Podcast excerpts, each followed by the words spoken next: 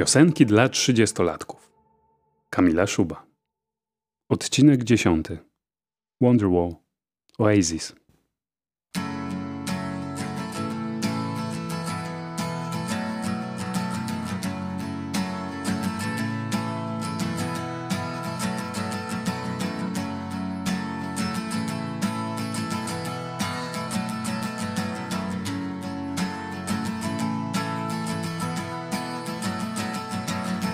Today is gonna be the day that they're gonna throw it back to you.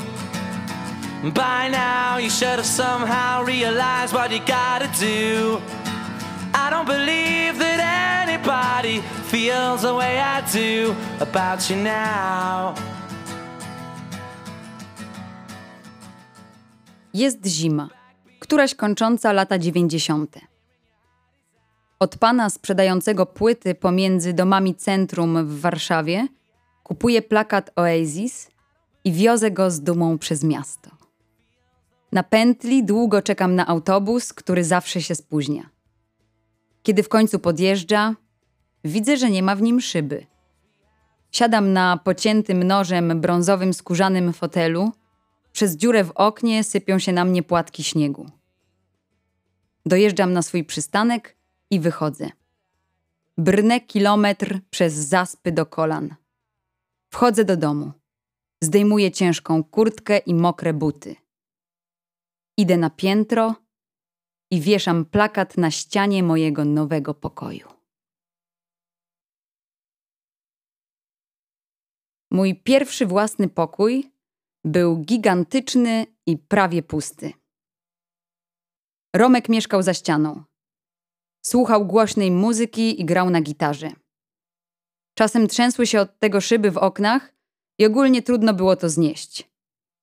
Odkąd wszedł w okres dojrzewania, rzadko ze sobą rozmawialiśmy, więc nie mieliśmy wspólnych spraw. Jedyne, co nas łączyło poza faktem bycia rodzeństwem, to zespół Oasis. Poznałam ich i polubiłam dzięki niemu. Pamiętam dokładnie te dźwięki, tak inne od wszystkiego, co dobiegało wtedy z jego pokoju. One uzależniały mnie od siebie tak bardzo, że szperałam w jego rzeczach, żeby znaleźć płytę, z której pochodziły. Melodia w tych utworach idealnie splatała się ze słowami i tworzyła spójną całość. Do tego łatwo było zrozumieć ich treść, a był to czas, w którym zaczynało mieć to dla mnie znaczenie. Muzyka Oasis w tym okresie była melodią naszego domu, zaplątaną w kable wystające z pokoju Romka, w miliony śrubek i blaszek wysypujących się z rozmontowywanych i składanych przez niego komputerów i instrumentów. Wchodziła bez sprzeciwu do mojej przestrzeni. Była codziennością. Towarzyszyła mi przy wychodzeniu i powrocie ze szkoły i pierwszych podróżach autobusem do Warszawy. Grała na okrągło w Walkmanie z dumą niesionym przez wieś i zlewała się z obrazem telewizora pokazującym koncert nagrany na VHS. Piosenka Wonderwall łączyła mnie z Wielką Brytanią, obcym i niepojętym krajem, którego języka uczyłam się w szkole. Wiedziałam, że gdzieś tam, na tronie w Londynie, siedzi królowa, która rządzi ludźmi z robotniczych miast, a oni jeżdżą małymi, śmiesznymi samochodami i z małych kolorowych filiżanek rytualnie piją herbatę z mlekiem. Ich domki z czerwonej cegły wyposażone są w mikromeble, a ściany pokryte są tapetami w róże. Manchester i Liverpool wydawały mi się być biedne, ale magiczne. Owiane mitem górniczych strajków i walką z Margaret Thatcher robiły na mnie wrażenie. Może dlatego lubiłam wtedy Myslowic. Oni mieli w sobie to brudne brytyjskie coś.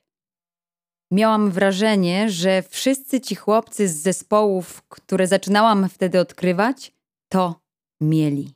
Byli z małych miast i pochodzili z robotniczych rodzin. Grali w kapelach, żeby uciec od smutnego świata rodziców, codzienności pełnej trudu, biedy i sadzy. Chciałam spotykać ludzi ze Śląska. Lubiłam słuchać ich gwary. Kiedy jesienią przyjeżdżali do nas sprzedawcy węgla, progu wołali za mną: Gdzie jest ta dziołcha, co lubi Hanysów? A ja siadałam w kącie i słuchałam, jak mówią. Tacy młodzi mężczyźni, podobni do tych z brit-popowych zespołów, byli dla mnie atrakcyjni i bardzo mi się podobali. Nieważne było, czy pochodzili z Wielkiej Brytanii, czy z Polski. Ważne było to, że wyróżniali się na tle innych i potrafili grać na gitarach i śpiewać piosenki. Nie bez znaczenia pozostawał też fakt, że pokazywano ich w telewizji, zwłaszcza w programie Halogramy, nadawanym wtedy przez Polsat. Uwielbiałam ten program. Można było w nim oglądać teledyski i wygrywać płyty.